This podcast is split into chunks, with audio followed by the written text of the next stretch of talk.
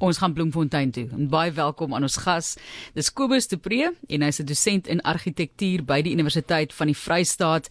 Kobus, ons praat oor bloem en so is die land gebou vandag en alles van historiese geboue natuurlik tot 'n glaspaleis in daarso is 'n straat wat baie belangrik vir julle is. Heel eerste President Brand straat en omgewing. Hoekom vir jou 'n fokus op daardie area en daai spesifieke straat?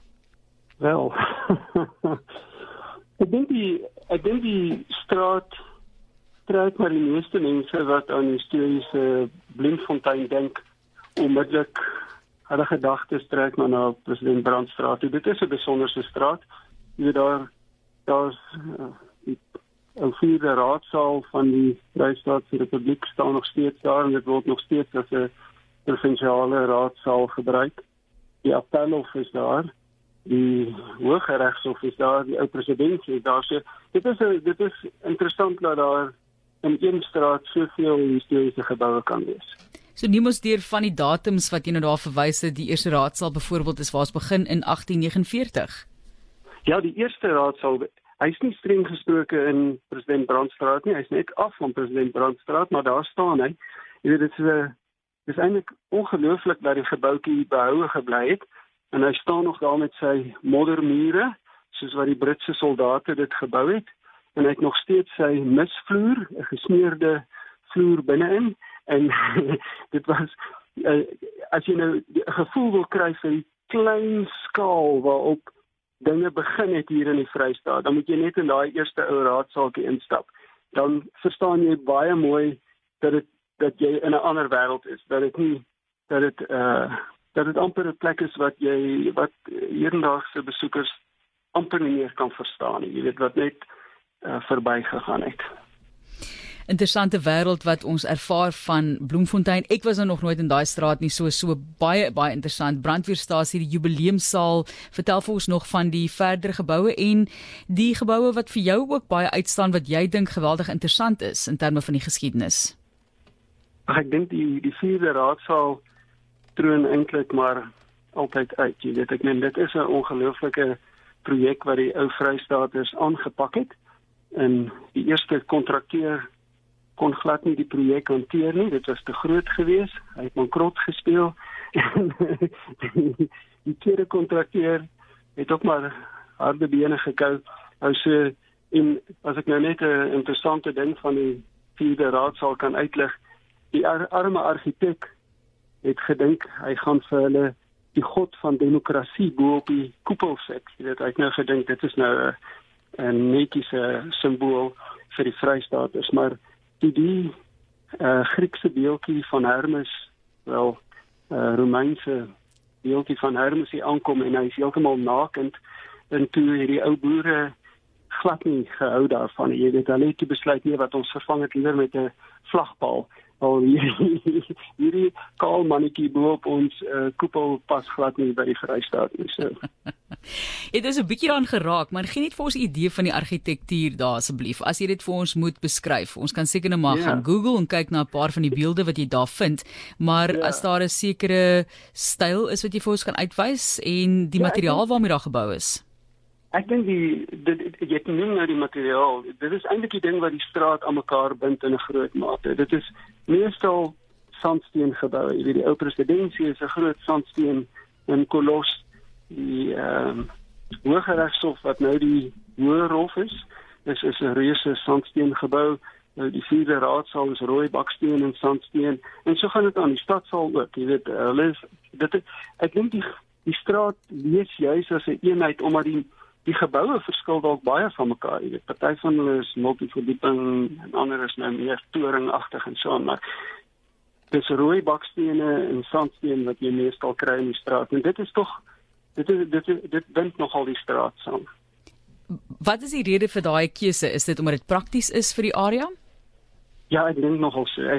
Die rooi bakstene was beskikbaar hier in Bloemfontein en uh, hulle kon dit met die klei hier bak, so hulle het dit gebruik en die sandsteen was ook beskikbaar in die omgewing. Ongelukkig is die Bloemfontein se sandsteen was absoluut vrot vrot geweest. Jy weet al daai al die geboue wat van Bloemfontein se sandsteen gebou is, uh, moes hierdie alweer vervang word. Dit is gerestoreer of die sandsteen is vervang met baie meer duursame sandsteen, maar uh, Bloemfontein al het hulle dit aanvanklik gebruik as 'n boumateriaal, het hulle baie gou agtergekom uh hierdie groen gryserige sandsteen van Bloemfontein omgewing is niks werd nie. Ons gesels oor Bloemfontein en 'n straat vol historiese geboue en die glaspaleis wat jy ook vir ons volgende van moet vertel. Kobus de Pre is 'n dosent in argitektuur by die Universiteit van die Vrystaat en ons fokus op President Brandstraat en daardie omgewing. Ek gaan nou net vir jou vra ook oor die herbou van sekere van geboue of herstel van sekere geboue en 'n paar van daai stories soos die kaal mannetjie wat toe nou nie aanvaarbaar was bo op hierdie een gebou nie, maar die glashuis? Ja, die die glaspaleis uh, kyk, die amptelike naam is eintlik die Bram Fischer gebou. Nou so uh jy weet glaspaleis uh, is maar wat meeste mense na verwys en dit word 'n bietjie spottenderwys eintlik aangewend waarskynlik.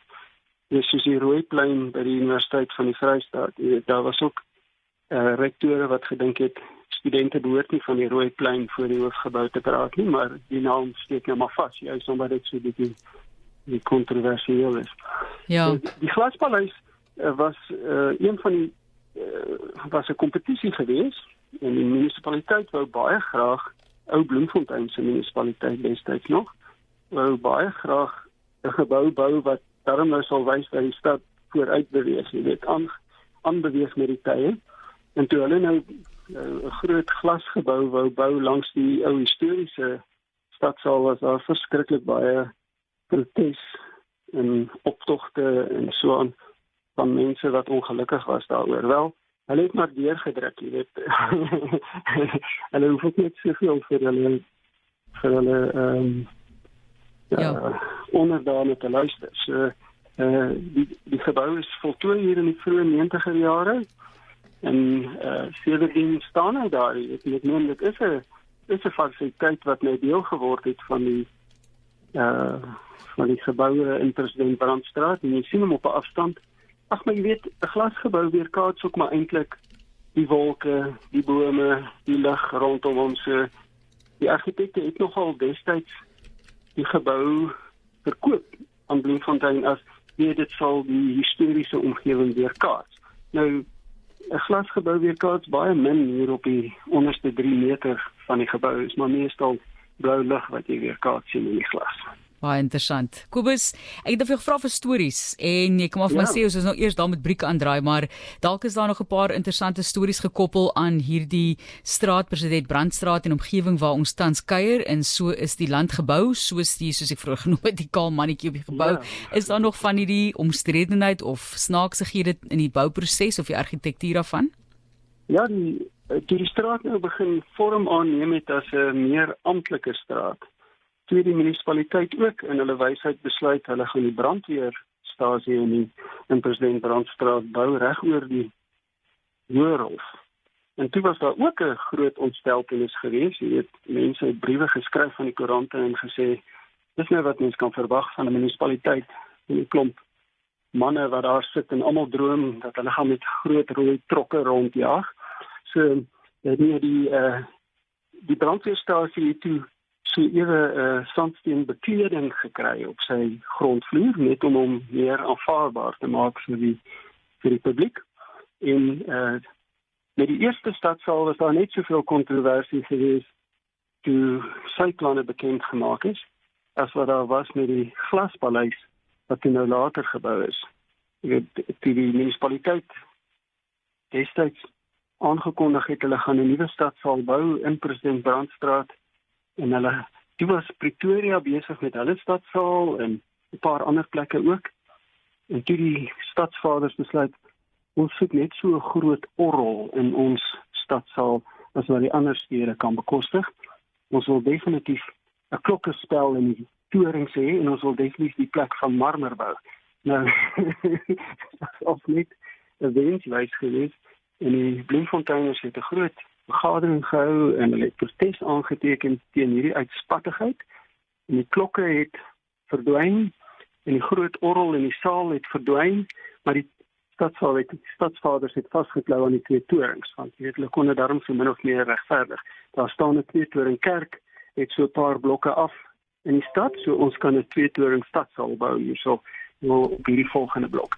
En die marmer is nou vervang met sandsteen wat die straat baie beter pas as om nou skielik met 'n marmer stadsaal daar te sit soos Pretoria.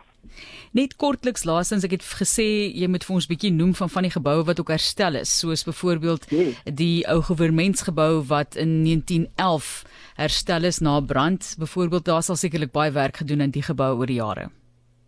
Ja die ou goewermentsgebou nou is deesdae bekend as Nallen Nasionale Afrikaanse Letterkundige Navorsingsentrum en daar's ook 'n gedeelte wat vir Sesotho ingerig is So dis nou uit en uit 'n taalfasiliteit en deels 'n museum, deels 'n navorsingsentrum. Ek dink die gebou word baie goed gebruik.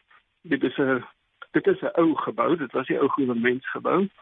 En dit was om die waarheid sê die eerste gebou wat in President Brandstraat gebou is in 1875. En toe eh uh, toe die Vrystaat is die gebou gebou het, toe was die parlementslede nogal ontstel oor die onkoste van so 'n nuwe bouprojek. En hulle het onmiddellik besluit dat hulle wil die toring korter maak maar die argitek wat Richard Wokke was het ewe slinks vir hulle genoem wat die hoogte van die Graafreinet kerk is wat kerktoring is wat nou besig is om op te gaan. En toe hy nou noem dat Graafreinet is besig om 'n hoër toring te bou as wat hulle hier in Bloemfontein gaan bou toe die parlementslede besluit maar goed dan kan ons waarskynlik ook 'n hoër toring bekostig vir vir die goewermentsgebou So hulle was maar 'n bietjie hulle was maar bietjie sensitief oor hulle beeld in die Kaapkolonie van destyds so interessante geskiedenis. Ons kan vanoggend lank gesels. Figarthuis 1888 is die grondvloer gebou, die Trinity Methodiste Kerk, Stadshuis Appel of soos hy genoem het, die vierde raadsaal wat vir hom baie interessant was en dis Kobus de Pre wat vir ons meer vertel het van president Brandstraat en omgewing in Bloemfontein. En vandag se so is die land gebou. Kobus, ons maar weer iewers iewers daarso boer want dit klink vir my na interessante stories van die geskiedenis.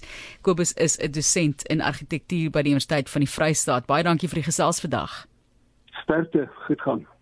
In sentraal Suid-Afrika, dit ook um, daar die pragtige sterrewag, maar is my interessant, dis die eerste brandweer wat in Brandstraat waarvan ek weet gewoonlik het jy kerk en kerkstraat, hof en hofstraat en so meer.